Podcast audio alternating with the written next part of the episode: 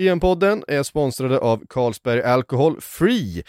Carlsberg är ju för många välkända inom fotbollen, men eh, det som alla kanske inte vet är att budskapet som de släpper till sommaren i samband med mästerskapet är vid namn En del av laget. Här vill de visa bredden av alla supportrar runt om i landet, för oavsett vem du är eller vart du befinner dig, så är vi alla en del av den blågula väggen.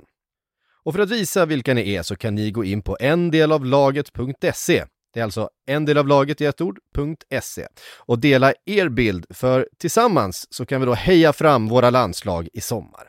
Tack till Carlsberg Alcohol Free. Sportbladets EM-podd är sponsrade ut av Mindler och här i den här podden så pratar vi ju fotboll och vi pratar känslor och fotboll kan ju vara ett bra sätt att eh, få lite utlopp för eh, olika frustrationer, men eh, det kan också vara väldigt svårt att prata om hur man mår på riktigt. Om du har känt att du har svårt att prata eller inte riktigt vet vart du ska vända dig, det kan handla om stress eller ångest eller andra psykiska besvär, så är Mindler Sveriges största digitala psykologmottagning eh, som eh, kan hjälpa dig. I appen kan du träffa en psykolog via videosamtal och få tillgång till Mindlers självhjälpsprogram där du får övningar som du kan utföra på egen hand eller tillsammans med en psykolog. Med Mindler slipper du långa väntetider och garanteras en tid vid en psykolog inom 24 timmar.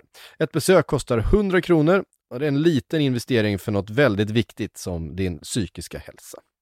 Och Mindlers app, ja den finns där appar finns.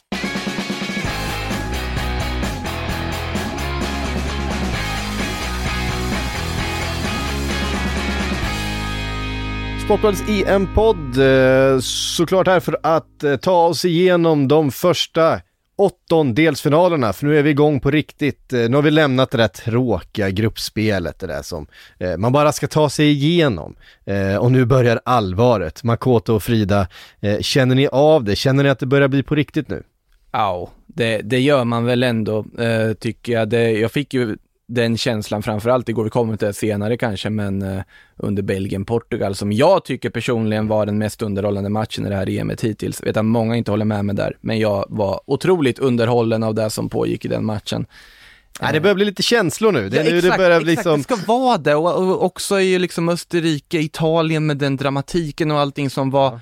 Och det blir ju också samtidigt när man också försöker kolla lite Copa America på nätterna att man blir extra förbannad på deras bedrövliga gruppspelsystem som fortfarande inte är över, tyvärr. Nej. Men det, det, som väcker så mycket känslor också, eller så mycket nerver, det är ju att Sverige ser ut att kunna få en ganska behaglig väg till finalen mot Wembley. När man börjar tänka i de banorna så känner man ju att det kryper i, kryper i hela kroppen. Alltså det, det är inte bra. Det, det, det nej, känns, nej. Allting känns för bra just nu. Och det, ja, det, alltså det, är hopp, det är hoppet som dödar en. Det ja, är verkligen så. Vi eh, ska ta det här lite i kronologisk ordning tänkte jag. Vi har fyra åttondelsfinaler avklarade. Vi ska beta av dem. Vi ska kika lite framåt mot Sveriges match mot, eh, vad heter de, Ukraina, Ukraina. eh, imorgon.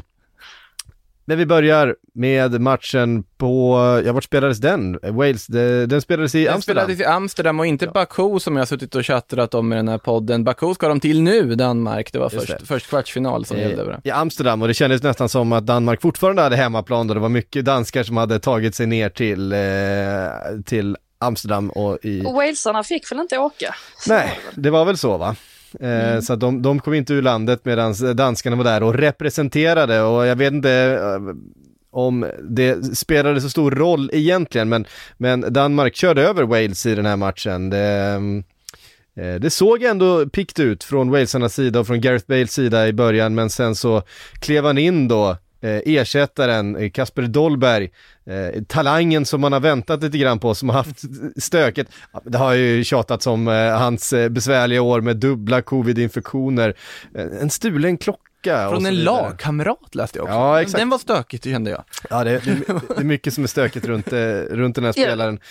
Jag, jag trodde du skulle nämna Andreas Christensen när du sa sådär. För att det kändes ju som att det var där matchen vände lite grann. Att Wales började ganska pikt och sen så flyttar man fram Andreas Christensen lite, bildar en fyrbackslinje och så helt plötsligt så tog Danmark över momentumet. Det var ju rätt mm. fascinerande att se att ett sånt taktiskt drag helt helt ställde Wales. Ja, Uppskattar väldigt mycket att det är där du tar med snarare än liksom Dolberg och Dolbergs dubbla mål. Eh, Eh, Christiansen-förflyttningen, det är fint Frida. Ja, Never måste change. ändå, jag måste ändå hålla med om att Ja, Wales nej, men verkligen. den här matchen ganska Ja. så bra. Men Och- där märkte man ju skillnaderna. Och de gjorde ju det som ehm, eh, andra lag har misslyckats med. Det Kristensen gjorde var att han klev upp och i stort sett punktade Aaron Ramsey.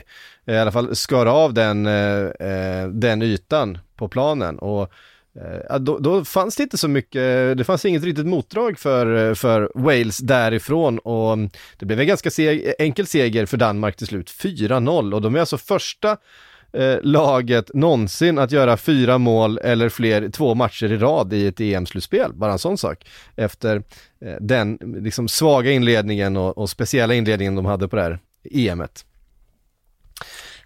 Ja. Var väl inte helt, Wales var väl inte helt nöjda med det andra målet där. Uff, Att de ville ha frispark på, vem är det, Kiefer Moore som går ner i, Ja, det kunde de väl i och för sig. Ja men precis i slutändan så känns det väl lite som att det här var Danmarks match på något sätt. Jag förstår ju att det 2-0 målet, det, det dödar ju allt lite på något sätt och det indikerar ju också bytena de gör sen att gjorde de fem byten på, på rad nästan där? Nej, inte på rad utan var väl två tidigare och sen så ytterligare tre. Men eh, de kom ju aldrig tillbaka in i matchen efter det i Wales och sen Harry Wilsons kortslutning där i, Ja. I eh, minut 90, den, den visar ju också lite grann att eh, Wales hade inte huvudena med sig den här dagen. Nej, och framförallt när det, när det blir på det sättet kan man ju förstå att eh, frustrationen tog eh, överhanden. Det såg vi på, eh, såg vi på flera håll. Eh, un, under de här inledande dagarna. Men Danmark vidare då och ehm, jag vet inte, hur länge, hur, hur länge ska vi eh, hålla på Danmark egentligen? Tycker det här börjar kännas Nej, lite jag- obehagligt. Jag måste bara, för jag, jag, jag förstår ju helt klart den här, jag ville också att Danmark skulle gå vidare från gruppen med tanke på vad som hände i första matchen mot Finland där man ju ja. faktiskt var bättre men ändå förlorade på grund av det här med Christian Eriksen. Men jag kan ju ändå tycka att vi måste ju lugna oss lite med det här danskramandet alltså. Vi är trots allt svenskar. Vi, kan Ja. inte gå, vi går lite för långt, eller vi säger jag, men jag kan tycka ändå att det, det håller på att gå lite för långt på sina håll. Vi måste Mm. ändå, måste ändå komma ihåg att vi har en sorts rivalitet mot vårt grannland. Men har det inte sakteliga skiftat i och med Danmarks ganska behagliga väg de fått nu i det här slutspelsträdet till att det är mest frustrationen? Jag märker, en, jag märker en, ty, en tydlig skillnad i tonen. Det känns inte alls... Eh, inte lika roligt. Nu är det inte kul längre. Respiten är över på något sätt. Vi har eh, hit men inte längre. Så kan vi väl säga. Hit men inte längre. Känns Ja, men all, alla vill ju ha den här Danmark-Sverige-semifinalen, det är ju det också. Uff, Men det- Nej, för att vi vinner den aldrig. Nej, nej, vi, vi är chanslösa där.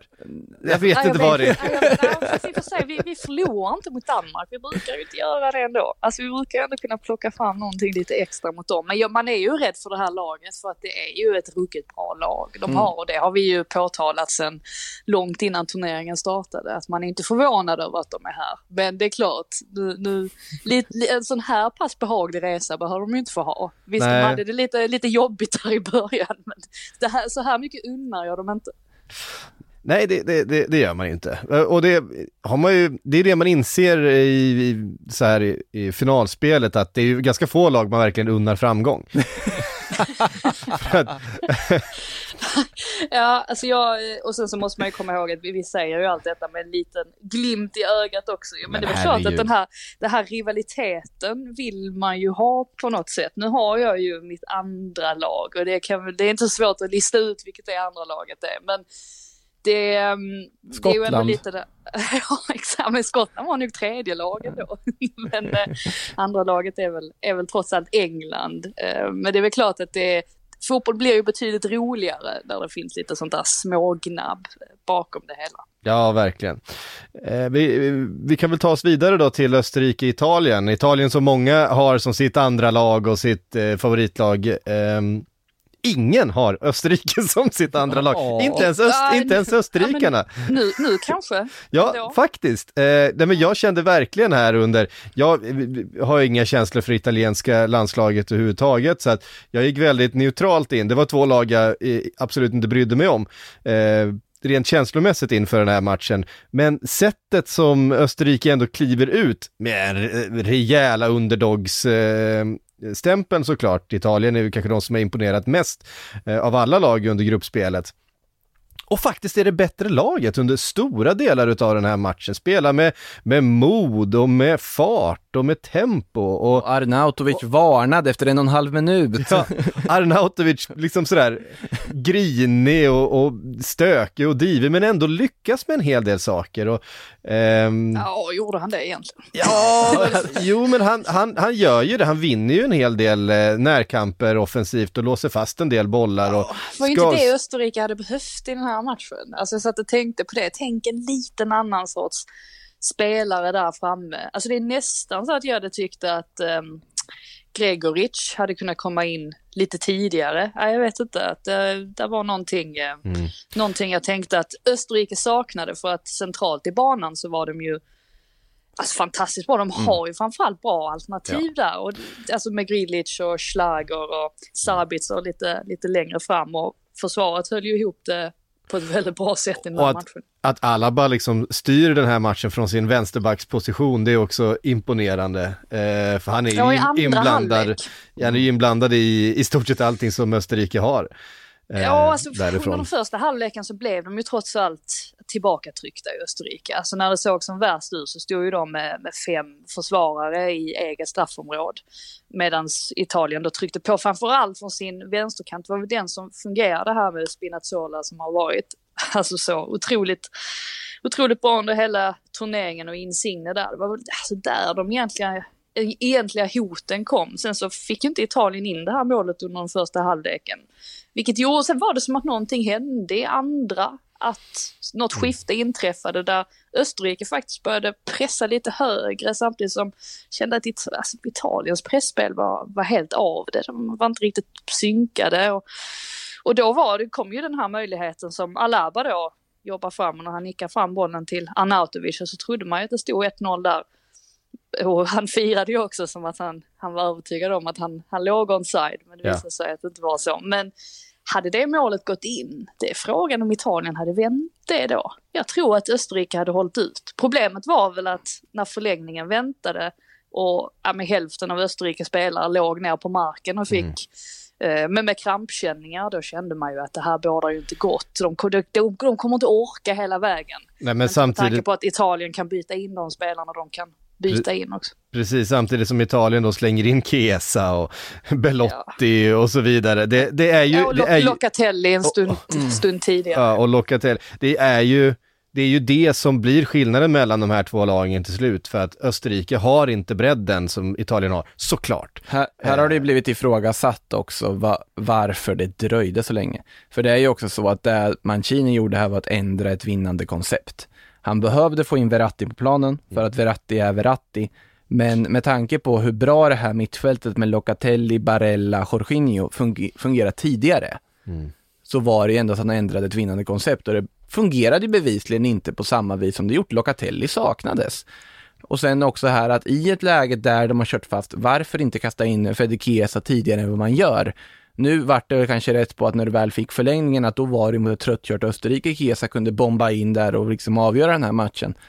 Vet inte om man hade gjort det om man hade slängt in tidigare, men likväl så var det lite frågetecken kring Mancinis liksom coachning här och val av spelare i den här matchen. Mancini var ju, eller sa själv att han var nöjd med Verrattis insats, särskilt under den första halvleken. Men man sitter ju och funderar på om han inte kommer starta med Locatelli i nästa match. Det, Alltså känner att både han och Chiesa, han borde i alla fall ja. överväga att ta in dem från, från start. Även om Chiesa såklart är en fantastisk spelare att kunna slänga på med all sin energi och sådär. Men ja, ibland sitter man och, och, känner att vissa spelare, de är ju de är för bra för att hållas på bänken från start. Lite samma känsla som man har kring Dejan Kulusevski också. Mm. Nej men det blev ju lite så också att eh, Jorginho och Verratti ibland liksom stod ovanpå varandra kändes det som. De söker upp liksom samma ytor, de är, har ju i grunden ungefär samma, eh, samma roll, mm. i, även om du kan dela ut nya roller till fotbollsspelare så har ju Verratti en tendens att, att glida in och ställa sig på den positionen som Jorginho ska stå på. Därför att det är, han, det, det är så han naturligt spelar fotboll. Så det blir lite så här kaka på kaka att spela med båda de känns det Men som. båda är ju dirigenter, det är ju det. Ja, båda exakt. är ju liksom spelfördelande, liksom temposättare. Så att det blir ju också, att de ska ha två personer som sätter tempot, då måste de samsas om vilket tempo du ska ha på något sätt och det blir ju så, då har du inte alternativen efter tempot har satts. Så ur den aspekten, sen är ju både Verratti och Jorginho som spelare är ju för bra för att sitta på bänk egentligen. Men det är ju det att just Locatelli har varit så pass bra, Nicolo Barella är så pass nyttig och det har fungerat så pass bra som det har gjort med Jorginho. Det är det som är det svåra pusslet för att det är inte lätt att bänka Verratti. Nej. Det gör man inte i första taget och det är väl där lite som Mancini gick på. Men frågan är, jag håller ju med dig Frida, det är väl kanske läge att ändå fundera på om Locatelli borde starta mot Belgien i kvartsfinalen. Men vi fick i alla fall en eh, förlängning eh, och eh, jag satt ju och hoppades på straffar i vanlig ordning eh, Ja. eftersom det är det finaste vi har. Det fick vi inte. För Chiesa kom in och stänkte dit eh, 1-0, sen fick vi eh, en tvåa också, då kändes det ju oavgjort. Eh, det var Pessina va som... Pessina som dök upp ja från Ja. ingenstans. Igen. Ja, Just det. dök ju in i truppen väldigt sent dessutom. Pessina har väl spelat en del i Atalanta men kanske utan att liksom glimra allt för mycket. Få den och trott att han skulle tillhöra en italiensk landslagstrupp för något år sedan. Nu alltså två mål i ett EM, så det är ju helt okej. Eh, onekligen. Eh, och ehm, där tyckte man, ja men nu var det ju avgjort, Österrike såg så tröttkörda ut och dessutom Italien med, med, med all boll och alla målchanser där i, i förlängningen fram till så att eh, eh, Kalajdzic, hur säger man? Kaladzic va? Kalad, Kaladzic, eh, ja, snubbla på de här efternamnen. Eh, nickar in den där reduceringen och då, eh, då blir det plötsligt nerv igen. Eh, Och vilken nick också. Hur får han ens till den här nicken? Jag förstår, förstår knappt hur, det, hur han lyckas. Alltså det är ju en väldigt snäv vinkel han får på där. Ja, ja, den är riktigt fin och då, men Österrike har inte, de har inte benen kvar vid det tillfället att, att riktigt eh, utmana eh, faktiskt och de har ju eh, inte personalen heller för att eh, kunna utmana när, när eh, man har så många utav, liksom, sta, från startelvan utbytta. Men det är ju ändå lite problematiskt det här med att om man tittar på tidigare turneringar så är det ju oftast de lagen som har presterat lite sämre i gruppspelet som går hela vägen och vinner turneringen. Och här hade vi Italien som inledde väldigt starkt med tre raka segrar, såg ut som att ingen skulle kunna stoppa dem. Och sen så kommer de till åttondelsfinalen här mot Österrike som de ju ska köra över och gör inte det utan matchen får tas till förlängning. Och dessutom så släpper de till ganska mycket där på slutet. Man är inte jätteövertygad nu kring Italien. Man är inte lika övertygad som man var för tre, fyra dagar sedan i alla fall. Man undrar ju också över nivån på grupp A. Alltså när Wales blir liksom Ja, överkörda. och Wales var ju inte bra. Alltså, jag Nej. såg alla deras matcher. Alltså, de var ju inte... De var ju egentligen inte bra i någon match sådär. Alltså, det var ju, det, där var ju Danmark stora favoriter. Så att på det sättet så fick ju, fick ju Italien en ganska bra grupp. Även om lite svårt att bedöma kvaliteten eller skillnaden mellan Schweiz och Österrike. Jag skrattade lite för att jag kommer ihåg att ni skrattade åt mig för att jag jämförde Schweiz och Österrike. Men Roberto Mancini gjorde samma sak på sin presskonferens och menade på att han tyckte Österrike var snäppet bättre än Schweiz. Ja, vi får väl se hur, hur det går för Frågan man ställer sig är hur dåliga var Turkiet? Alltså när man liksom förlorar tre i den där gruppen, det är det man ställer sig frågan till efter också. Ja, de var ju inte bra i alla fall. Nej, det, det, det, det, det ska man veta, de var inte, de var inte så bra. Nej. Så var det. Eh, Danmark och Italien eh, vidare då från lördagen. Vi ska ta oss an eh, de eh, ytterligare åttondelsfinalerna som spelades och så ska vi titta framåt lite grann såklart mot det som händer ikväll och det som händer imorgon. Men eh, först några ord från våra sponsorer. Sportbladets EM-podd är sponsrade utav Unibet och som vanligt då, eh, som vi haft under hela mästerskapet, har vi med oss Steven Lee Holmdahl från Sportbladets spelsajt. Hallå! Tjena, tjena. Och eh, i vanlig ordning så har du plockat ut ett par riktigt mustiga spel då från eh, unibet.se till oss. Ja, nu ser det riktigt intressant ut och Sverige går in i hetluften också nu i slutspelet så det ska bli riktigt roligt. Ehm, och jag har ju stångat pannan blodig lite med Alexander Isak men jag fortsätter att köra på honom. Jag vägrar att tro att han kommer lämna det här mästerskapet utan att göra mål. Så jag spelar Isak som målskytt mot Ukraina till 3,20. Tycker vi om. Ja, och sen är vi lite inne på att Eh, Sebastian Larsson kanske är lite övertänd också. Han riskerar dessutom inte avstängning heller, så han har råd att gå in och ta en varning om det skulle behövas. Kan spela till 3,50 att han får gult kort. Eh, och sen är det höjdaroddset i den här matchen då. Det är att Alexander Isak gör mål, Emil Forsberg slår assist, eh, Victor Nilsson Lindelöf och Sebastian Larsson får varsitt kort. 121 gånger pengarna. Oj! Och det kan man bara krydda med en liten sån där eh, tv-peng bara för att det kanske ska smattra till. Just det. Yes. Um, och sen om vi tittar lite längre fram då så kommer ju kvartsfinalen här också den här veckan. Precis, och där vet vi redan att Italien möter Belgien. Uh, två lag som uh, lite oväntat fick svårt i sina åttondelsfinaler. Belgien verkade mest bara... De gjorde 1-0 på ett litet slumpskott som jag tycker att målvakten skulle ha tagit. Eh, och sen efter det hände det inte så mycket mer. De räddades av stolpar och allt möjligt. Men eh, jag tror att den här matchen kommer bli ett ställningskrig också hela vägen. Så jag spelar att den kommer gå till straffar eh, till tio gånger pengarna. Och eh, alla de här oddsen hittar ni såklart på unibet.se. Glöm inte att du måste vara 18 år för att spela och är det så att du eller någon i din närhet spelar lite för mycket så gå in på spelpaus.se och stödlinjen.se för att eh, lära dig mer om spelberoende och man pausar sitt spelande. Så är det, vi går vidare och tittar på matcherna som spelades igår då, i söndags. Och eh, vi börjar med eh, Holland-Tjeckien.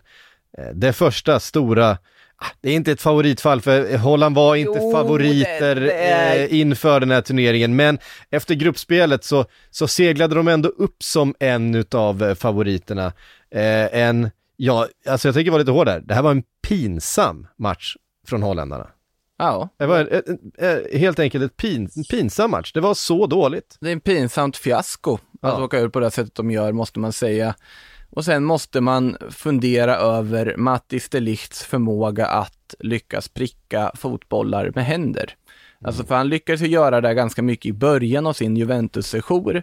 Det var någonting som till och med diskuterades då, sen har han jobbat bort det.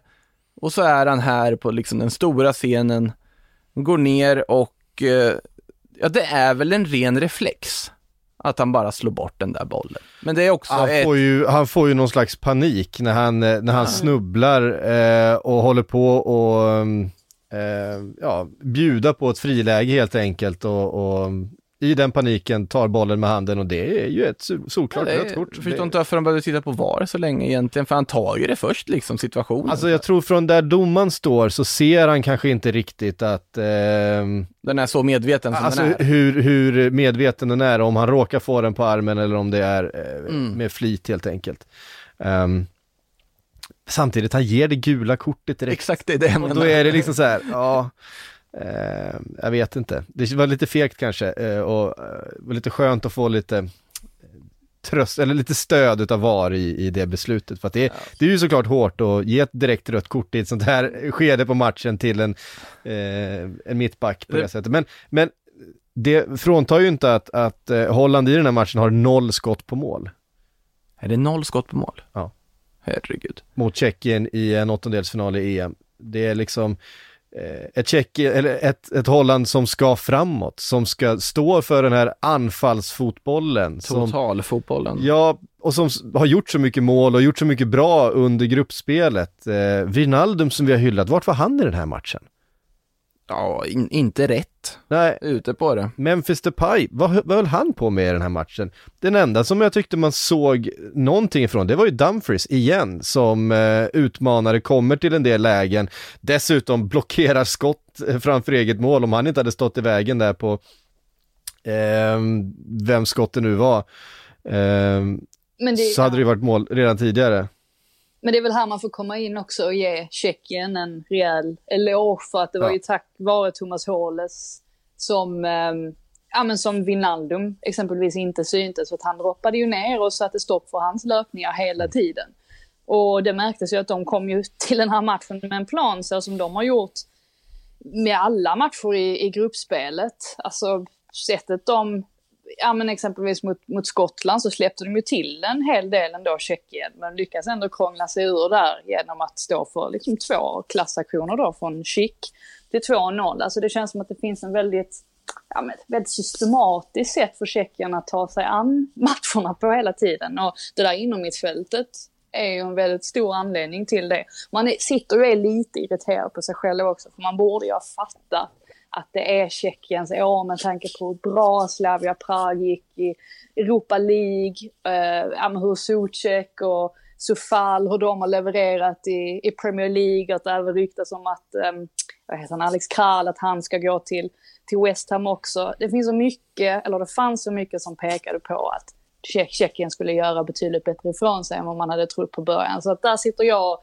irriterar mig på att jag trodde mer på skottarna. Det var ju det var ju dumt eh, att man gjorde det. Det är ju också ett EM och vi vet alla vad Tjeckien gör så fort det blir ett EM. Det är ju liksom klassiskt och även om det inte är Jan Koller och Milan Baroš som man tjatar om liksom, så mm. då dyker Patrik Schick upp istället. Att det, det är ju deras på något sätt mästerskap att göra det bra i. Tjeckien är alltid bra i ett EM oavsett vad de har gjort innan och det, man, man lär sig aldrig, man blir alltid förvånad ändå. Eh, och så, som sagt, Slavia Prag-kopplingen också borde ju tytt på att man borde med lite liksom eftertänksamhet där man borde ha sett det här komma på något sätt att de skulle göra. Sen, sen att de skulle slå Holland på det sättet de gör bara, det är ju oerhört imponerande. Sen är det ju såklart att Holland, de underpresterar. Sen var det ju många som diskuterade det här bytet som Frank de Boer gör ju. Ja. Efter utvisningen när han då väljer att liksom gå ner på någon sorts enmannaanfall istället när Kinsey Promes kommer in och så vidare eh, blir ju inte rätt. De skapar ju ingenting framåt. Alltså det, vi måste ju eh, sätta ett frågetecken på Frank de Boer och hans, eh, dels att man känner ju direkt att, att i det här läget, han är inte eh, tränaren att ta dem ur det. Han är, han är inte den manager som har det taktiska, eh, liksom fingertoppskänslan att, att hitta en balans i det här laget igen. Eh, och det känns inte som man har förtroendet heller från från spelare och han har varit rätt ifrågasatt. Eh, vad var det de sa? Eh, Cruyff vänder sig i graven när han ser hur eh, Frank de Boer spelar fotboll eller ställer upp laget. Trebackslinjen. Ja, denna, exakt. denna liksom tabubelagda formation som inte får användas. Ja, den får inte användas i holländsk fotboll. Jag tror till och med det var hans bror som sa det. det, är inte, det är ju inte helt tabu ändå. De gick ju ganska långt med, var det Fanchal? Fanchal som Ja, precis. Också. Det gick ja. ju Ja, det gick väldigt bra. Sant. eh, men då gjorde de eh, lite mål framåt. Eh, det var en, eh, ett, en rejäl underprestation utav, eh, utav Holland som jag sett eh, så fina ut. Men, men Tjeckien blir eh, inte att räkna ut. Det är ju många som tror att Danmark ska eh, kliva in som favoriter här mot Tjeckien. Jag är inte säker på att Fast de gör det. gör de väl, eller? Jo, det gör de ju. Tycker de ni det? Kliver in, Ja. De kliver in som favoriter, men jag skulle absolut inte räkna bort Tjeckien. Det, ja, alltså det man kan lära av, eller som jag märkte av i alla fall när, när England mötte dem, det var att Tjeckien pressar ju högre än vad exempelvis Kroatien, eller Skottland för den delen, gjorde mot England. Eh, Så man får väl se hur de tar sig an den här matchen. Man kan väl ändå tänka sig att de kommer göra lite samma sak här mot Danmark. Eh, Men eh, ja, det blir spännande oavsett och jag tycker inte att det är, det är inte givet att Danmark vinner den här matchen. Men det är klart att de går in som, de måste ju ändå gå in som favoriter. Men- eh, Tycker jag. Med risk att få mothugg här så tycker jag ju att Danmark är större favoriter mot Tjeckien än vad Sverige är mot Ukraina. Ja, jag, jag tycker nästan att vi är lite för oroväckande. eh, vi Verkligen, känner oss lite för oroväckande lugna i Ukraina. Och jag tror att vi baserade lite för mycket på mötet med Österrike. Där de underpresterade markant. Sen kom det ju, ryk, eller ryktades i ukrainsk media att det skulle ha varit en läggmatch, vilket jag inte riktigt får ihop. För jag förstår inte hur de kunde vara så, ehm, så säkra på att de skulle gå vidare på bara de poängen de hade fått med sig då. Så att det, det känns väl som att det kanske inte är en riktigt hållbar teori. Men jag tror också att vi, vi underskattar Ukraina lite för mycket. De har ändå alltså, x antal spelare som håller riktigt hög nivå. Mm. Jag säger, ser dem som favorit. Men vi kommer lite till, eh, eh till den matchen om en eh, stund där efter vi har eh, tagit oss igenom. Vi har ju en, en åttondel kvar att eh, diskutera. Och det var den vi alla såg fram emot mest i, utav alla de här, ja kanske med undantag då för England, Tyskland. Eh, två utav förhandsfavoriterna, verkligen. Och ett, onekligen skulle vi få ett favoritfall i den här matchen, för någon var tvungen att gå vidare ut av Belgien och Portugal. Och det blev Portugal, den regerande mästaren som får eh, packa väskorna och eh, åka hem igen eh, efter en lite småful och grinig och inte så enormt välspelad kanske alla gånger nej, nej, nej. Fo fotbollsmatch. Men ja, den hade mycket ändå. Det är roligt när folk på Twitter som överhuvudtaget inte vet någonting om fotboll börjar bli så här, alltså den där Peppe, vad är, vad, är, vad är det för något egentligen? Han är en hjälte och han borde få en staty när han går i pension i Portugal.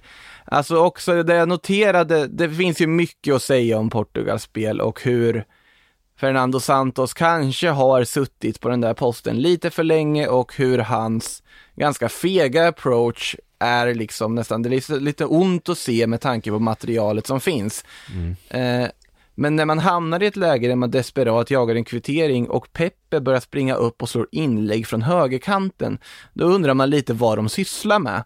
Eh, för övrigt Peppe, de sista tio minuterna Peppe gör är något av det häftigaste jag sett på en fotboll. Han är ju uppe som vänsterytter och gör brytningar. Mm. Det är liksom han som leder trupperna, det är han som sätter in den där armbågen i ansiktet på eh, Mertens han sätter den på där som eh, Alltså jag, jag, ska, jag ska, Lille Mertens. Jag ska, inte sticka, jag ska inte sticka under stol med att jag blev lite glad att se det. Eh, det är också så här, om man, om man kommer, om man 2021 eh, upptäcker att eh, den där Peppe, han har inte helt rent mjöl i påsen. då, har man, då, har man, då har man sovit lite på, på fotbollen under de senaste 20 åren.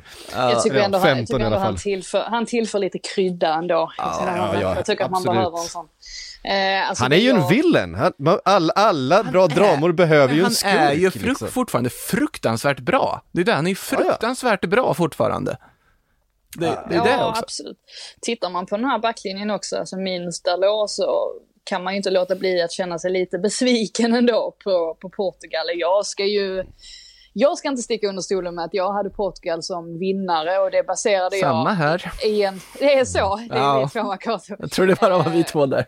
Och det var inte så att jag tänkte att Portugal kommer att spela den bästa fotbollen, men jag trodde åtminstone att de skulle komma in i den här turneringen med någon form av idé vem, vilken deras bästa startelva är och vilka spelare som, som går bra ihop och eh, att de möjligtvis då skulle kunna, ja men alltså få med sig resultaten, alltså sett till att de skulle hålla tätt bakåt. Alltså nu, nu skadade sig ju Cancelo och det var givetvis ett tapp. Det såg vi mm. inte minst att alltså både Semedo och Dalot har ju haft väldiga, väldiga svårigheter att, att täcka upp för honom. Men där man började, alltså där, varningssignalerna ringde ju verkligen i mötet med Tyskland. För att, att de kunde ha så svårt att anpassa sig till Tysklands approach och sättet de ville spela på som var helt uppenbart för alla och att de faktiskt inte kunde ändra på det under matchens gång. Där började det bli ganska tydligt att Santos att han, han hade inte riktigt koll på, på vad han gjorde här och tittar vi på startelvan också han startade med i första gruppspelsmatchen mot Ungern kontra vad han nu avslutade med så visar ju den också att han inte riktigt visste vilken hans bästa startelva var. Så att på så vis så kan jag ändå känna att han, eh, ja, jag vet inte om han tog sig vatten över huvudet här eller vad han gjorde, men de, ja, de, de lyckades, lyckades inte spela ihop sig helt enkelt och verkade inte riktigt veta vad de hade för plan. Och då, blir, då kan det ju lätt bli så här när man möter Belgien som har spelare som kan plocka fram det där lilla extra. Det visst, alltså det pratas om att Belgien inte var bra i den här matchen, och det var de ju inte heller. Alltså de hade ju ett skott på mål. Mm. Men varför skulle de trycka på egentligen? Om mm. när de fick in sitt mål där, det är nästan bättre då att backa hem lite och bli försiktigare. Det, det tycker inte jag heller är någonting, någonting konstigt. Uh, och ärligt talat så, visst, Portugal kan hävda att de tryckte på där mot slutet och det är klart att de mycket väl hade kunnat få in en en kvittering. Men det kändes inte så läskigt ändå. Tyckte, tyckte inte jag. Det var väl egentligen Nej. Ruben Diaz nick där som var den farligaste möjligheten. Aj, alltså, om jag inte missar någon. Guerreiros eh, skott i stolpen där också. Men, stolpen, ja. men där också, det var väl den enda gången vi fick se Rafa Guerreiro komma in i den ytan som han är så otroligt bra på att göra när han spelat wingback i Dortmund och hitta de här offensiva ytorna och komma till skottlägen i straffområdet. Vi fick ju knappt se det för han var ju liksom låst på att spela vänsterback i en 4 fyrback där han knappt fick gå upp. Och det var ju mycket sådana saker. Det fanns ju också många individuella spelare i Portugal som man ville se väldigt mycket mer av. Bernardo Silva det tyckte jag var besviken. Han har gjort ett väldigt svagt eh, mästerskap får man säga. Diogo Jota, såklart. Också- Alltså det avslutet i början av matchen, vad är det för någonting? Nej, Alltså han ska ju bara sprinta förbi, det är väl liksom Vermälen han möter, som är i Vissel Kobe nu för tiden och gått i pension. Fantastisk aktion av Renato Sanchez precis innan där, den, den vändningen och drivet med bollen. Han var väldigt, väldigt bra i första halvlek, Renato Sanchez. Renato Sanchez är ju en av spelarna som kan lämna det här mästerskapet med högt huvud. Jag skulle säga Cristiano. Ronaldo också är det, Ja. sett i vad han gjorde. Eh, någon som inte kan... Honom, honom hade vi rätt bra koll på. Ja, det hade vi väl. Eh, däremot Bruno Fernandes trodde vi hade ganska god koll på innan också, men där kanske snarare är ett av EMs hittills individuellt största misslyckanden. Ja, ett av, ett av EMs sämsta distansskott där på slutet också. Eh, både beslutsmässigt och... Eh, Ja, det var... alltså Men i, ju- i det, ju läget... Väldigt, det är ju väldigt tydligt att Alltså Bruno Fernandes, alltså jag har sett många nu liksom och att han blir kallad för en bluff och det ena med det tredje. Nej, men det... Men sen måste vi ju också sätta, alltså han har ju, han har ju spelat x antal fler Premier League-minuter kontra minuter här i EM. Och också att han ärligt talat verkar vara en sån spelare där laget helst ska vara anpassat och byggt kring honom för att han ska kunna glänsa. Och det är ju Manchester United, det är inte Portugal. Och just därför så, så hamnar väl han inte riktigt rätt. Alltså det är ganska uppenbart. Nej, och det är ju såklart ett... Eh, eh, lite frustration som kommer ut, men ska bara komma ihåg att han har ett fantastiskt distansskott. Det är generellt inte, jag har sett att det var mycket kritik just mot det. Jag menar, du har hela laget samlat, ni har offensivt tryck Ja. och han får den ytan, kanske hittat Ja, inspel, fast det där skott, skottförsöket var ju också verkligen liksom, nu ska jag ta... Ja, men han har ju det skottet. Det Ja. är ju inte, jag, kan, jag kan ju tycka att det är, ehm, det kan också komma saker ur att ta ett, eh, ett långskott, framförallt när man har den, eh, den foten som eh, Bruno Fernandes har. Sen misslyckas han ju totalt med det och då blir det ju eh, som att man bara vaskar ett, ett anfall när man pushar på slutet liksom. Det det är rimligt, att- mer rimligt att han tar den att typ Palinja drar till på distans, vilket vi också fick se den här matchen åt, helt åt, jag vet Ja, inte vart exakt. han sköt. Eh, men, det är men- väl också en vilsenhet på Bruno att liksom, han får inte slå straffar. Det måste ju vara liksom jobbigt att bara se så här, vi får så mycket straffar, men jag får inte slå Ja, han, han, dem. har ju, han har ju uppenbarligen en helt annan roll här och det, Ja. det passar ju inte honom vad det Nej. verkar. Eh, sen måste man kanske säga någonting om, om domarinsatsen här för jag, jag har ju alltid sett eh, Felix Brysch som en av de bättre domarna Mm. och var ganska förvånad av hur snabbt han faktiskt tappade matchen. Och att det utvecklade sig till en av de sämsta domarinsatserna hittills under turneringen och då har vi ändå hyllat domarna generellt. Det var ju lite, lite tråkigt, tråkigt att se. Ja, faktiskt. Jag vet inte, en domare har väl en dålig dag eh, också. Jag tycker också Felix Brysch eh, tillhör de, de bättre domarna i Europa. Ja. Eh, så, men eh, lite samma frågetecken finns ju runt eh, Belgien, det där med att ja, du ska få in många spelare vana vid att få lagen byggda runt sig med väldigt skräddarsydda positioner. De, alltså, har, så- de har inte det problemet nu längre. Alla är skadade. Jag ska det, men Kevin De Bruyne, Eden Hazard, Juri Tillemans, eh, Romelu Lukaku. Det här är ju spelare som är vana vid att allting eh, liksom kretsar runt dem i, eh, i sina lag. Vad var kul att Hazard visade varför han var värd en miljard, eller nej just det, fel Hazard. Det var Torgen. Ja, det är ju ett fantastiskt mål, vilken, eh, vilken Ah. pärla han får på där. Och han har ju det, men jag Tycker jag att- tycker Eden Hazard var var väldigt, var väldigt bra i den här matchen också. Det var Ja. möjligtvis De Bruyne som inte riktigt eh, kom in så, så väl i matchbilden som vi är vana att se honom. Sen är det jättetapp nu, alltså om det nu skulle visa sig att De Bruyne att han, att han missar nästa match, då är det ju, ah, alltså det är ju en spelare man kommer sakna oerhört då. Och likaså Mm. då hur det nu är med Hazard, jag vet inte om det såg väl ut som att det var någonting som brast i, eh, i lår eller Han- Han missar, han missar nog hösten med Real, ska du se.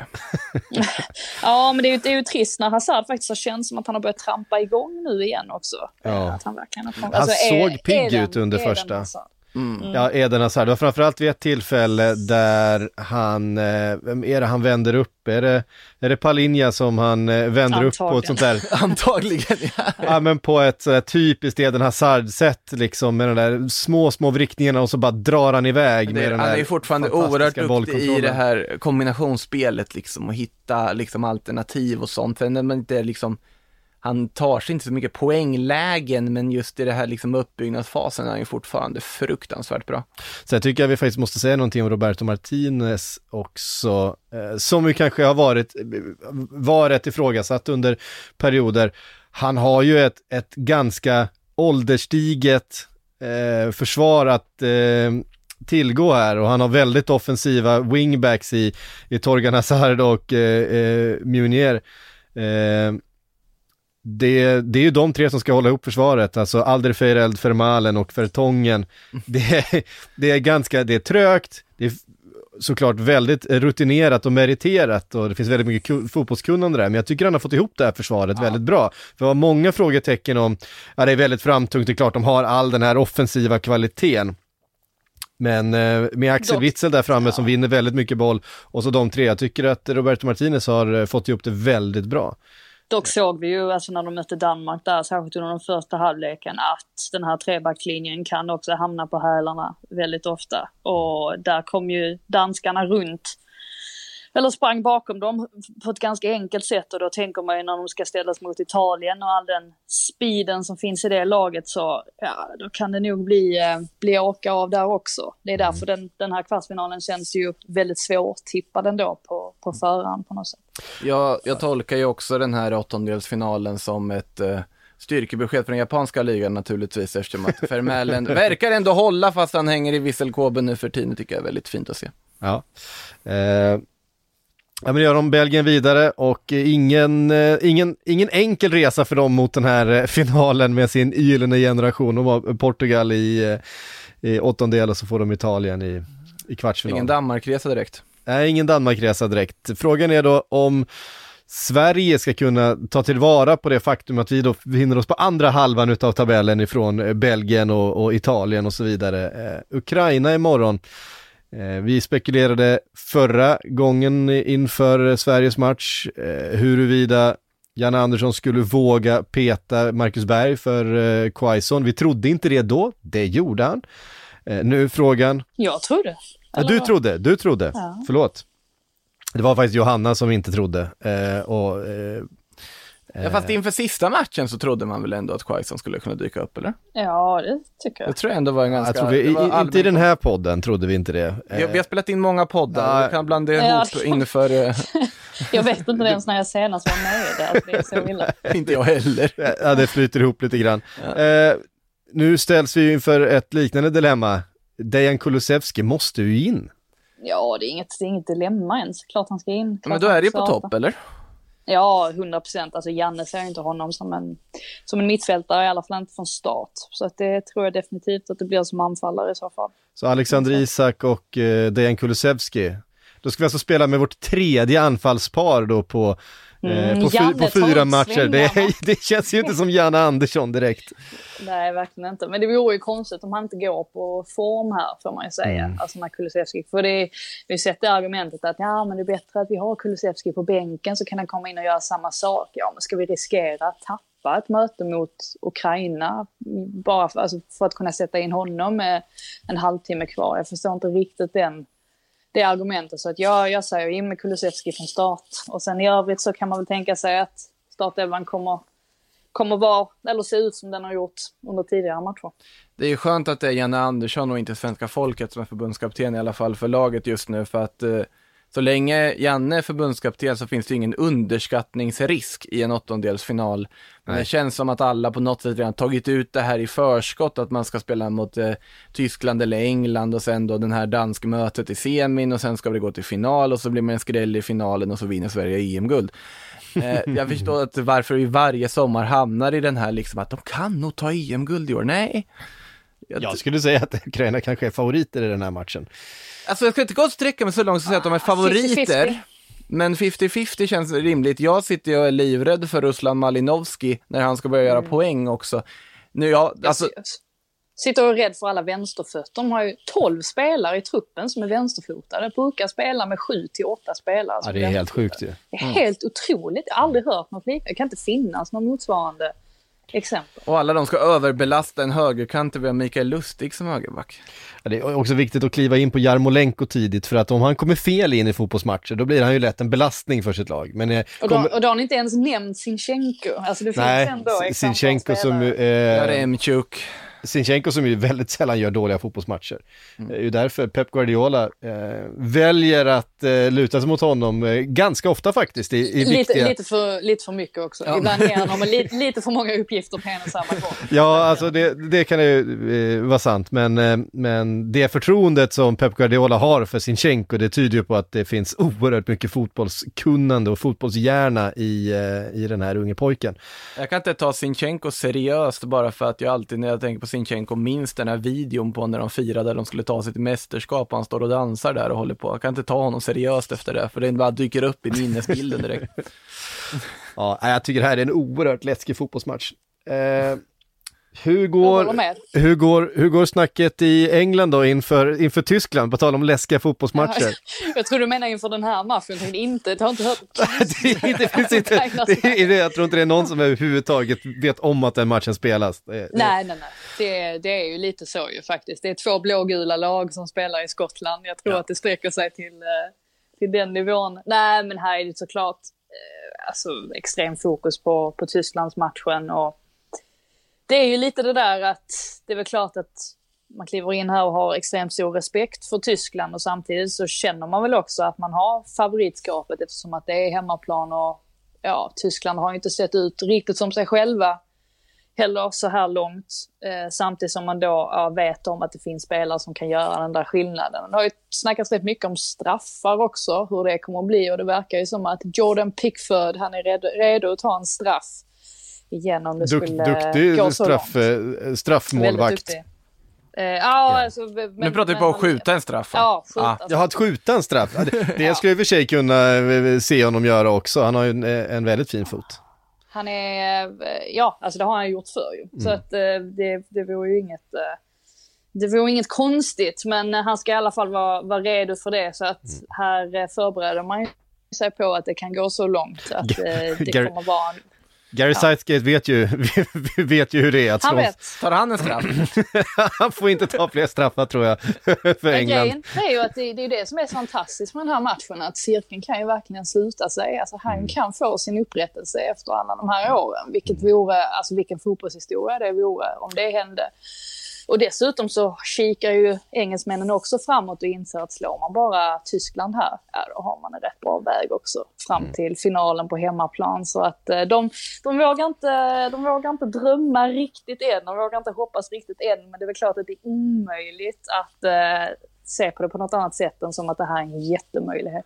Alltså om de slår ut Tyskland, det är då alla kommer säga football's coming home liksom. Då, då kommer det, det säger ju alla redan. Ja, det är Herregud. Ja, men det, det, är ju den största myten på den här planeten. det är att engelsmännen skulle springa runt och tro att de är bäst i världen. Nej, det tror de, alltså, jag har aldrig träffat ett mer självkritiskt folk Nej, i hela mitt liv. Alltså det, de, de tycker, de, ja, alltså jämför med amerikaner så är ju engelsmän, ja. de är ju så långt och de, de tror inte alls på sig själva. De driver ju med varandra. Ja, det är ju alltså, det som, det är ju 100% ironi och sarkasm varje gång de säger fotboll ja, ja, ja. Alltså, jag menar, alltså de för... är ju så cyniker hela bunten, alltså, ja. rakt igenom. Men skulle de vinna den här matchen så det kommer ju bli ett erkännande för Gareth Southgate, inte mm. minst, som är ganska hårt ansatt ändå. Det är ju många som tycker att han, han har ju fått den här stämpeln som Ole Gunnar Solskjaer också har i Man United, det här att han skulle vara någon sorts idrottslärartyp snarare än en framstående fotbollstränare. Så att vinner de den här matchen så skulle det vara Ja, det skulle vara en, ge honom framförallt en rejäl boost hos uh, allmänheten, det kan jag säga. Det är den där västen tror jag.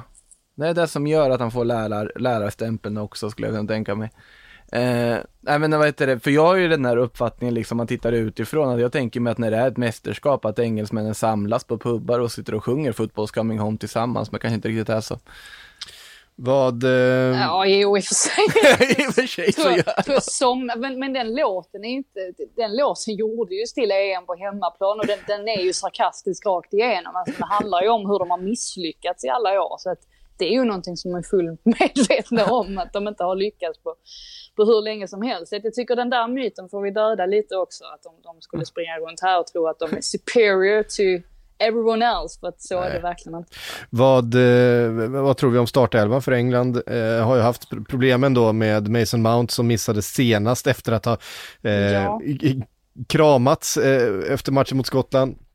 Tror inte ens han kramade honom. Det är det som är så konstigt. Nej, är de stod och bara- pratade med varandra nära i 20 minuter. Det räckte. Eh, ja, men det, är- både han och Chilwell har ju tränat på en egen plan och det är väl frågan då om Southgate känner att han kommer kunna slänga in honom direkt från start. Det verkar i alla fall som att han ska vara tillgänglig för spel och sådär. Men vi får väl se om han startar. Jag tror ju att han gör det. Och sen tror jag att eh, Saka får behålla sin plats eftersom Ja. han gjorde det så bra mot Tjeckien. Och eh, att Maguire också kliver in. Jag är ju lite spänd nu. Jag tror att de kommer att spela med en trebackslinje. Jag tycker att det vore dumt om de inte gjorde det. Och då lär väl Kyle Walker bli en av tre. Och sen så är ju frågan då vem som spelar höger wingback. Om det blir Rich James eller Kieran Trippier. Trippier. Jag tror att det blir Trippier. Om det skulle det. vara så att sitter man på bänken, då är jag övertygad om att Trippier går in för att han behöver en spelare som är bra på fasta situationer. Mm. Och det är ju Trippier. Han är, Trippier är kanske den bästa i truppen, men Mount är ju också extremt bra. Så har man honom på plan så är det väl lite lugnare. Eh, men i övrigt så... ja, Ja, för, förutom att Ward se. Prowse, om, in- eh, om man inte slänger han in Ward. Prowse då bara för att slå Han, frisparkar. han, han är ju inte med i truppen. Nej, nej, han, blev- just det, han åkte ut i sist, sista gallringen, så var det. Det är Jag tror att man blir det vi diskad göra. om man slår, slänger in honom nu då. Ja, precis. Jag tror inte heller att det är sådär jättesmart. Ja, han var bara med i Men, eh, bruttotruppen. I övrigt så, så tror jag väl också att Raheem Sterling spelar kvar. Han är ju lite av en favorit under Southgate. Så det skulle ju vara då att Grealish får uh, sätta sig på bänken igen om Mount kommer in då.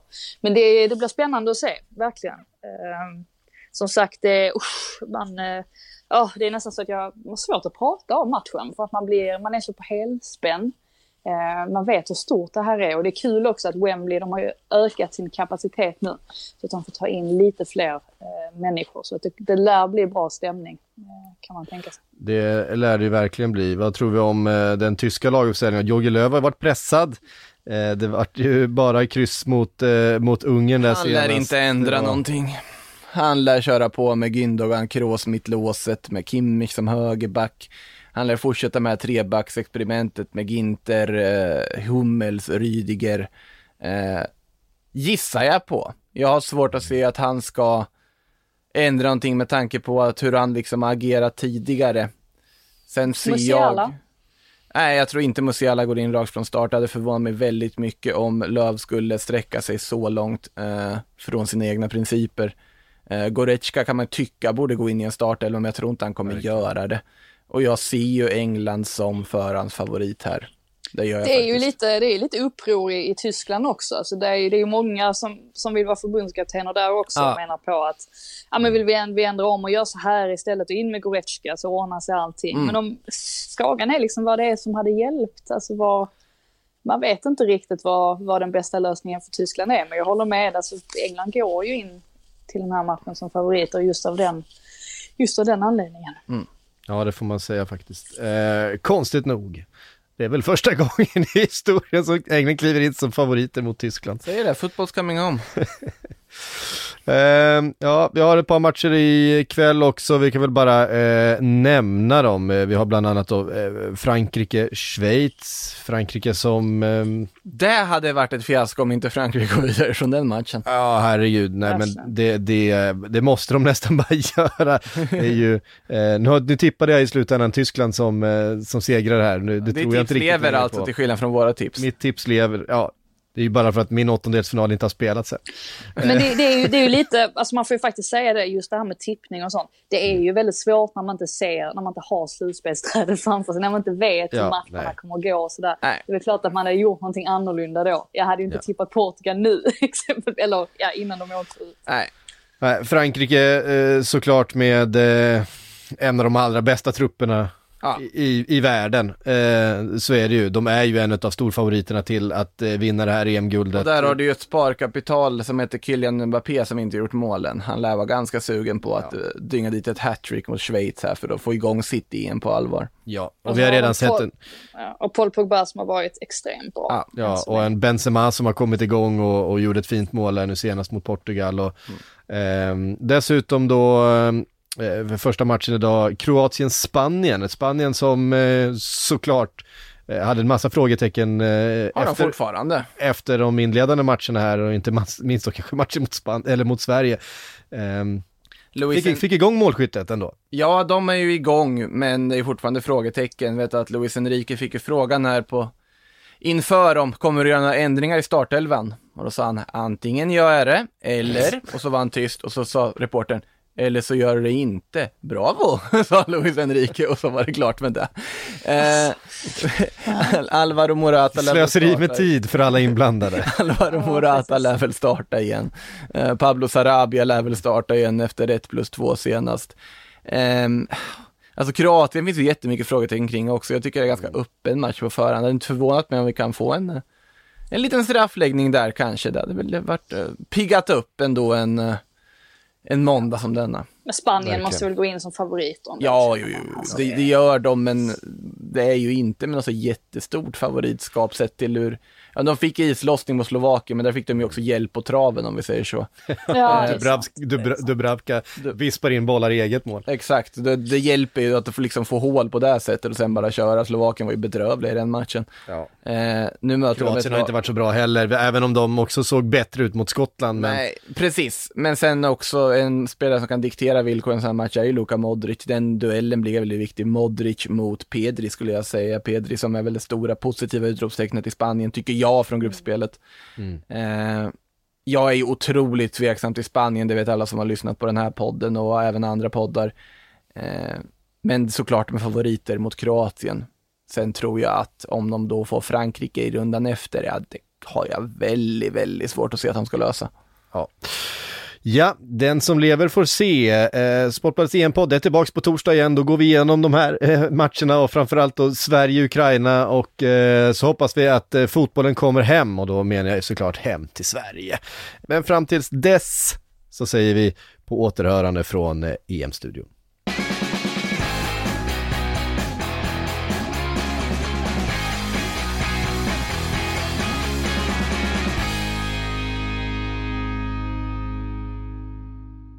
Du har lyssnat på en podcast från Aftonbladet. Ansvarig utgivare är Lena K Samuelsson.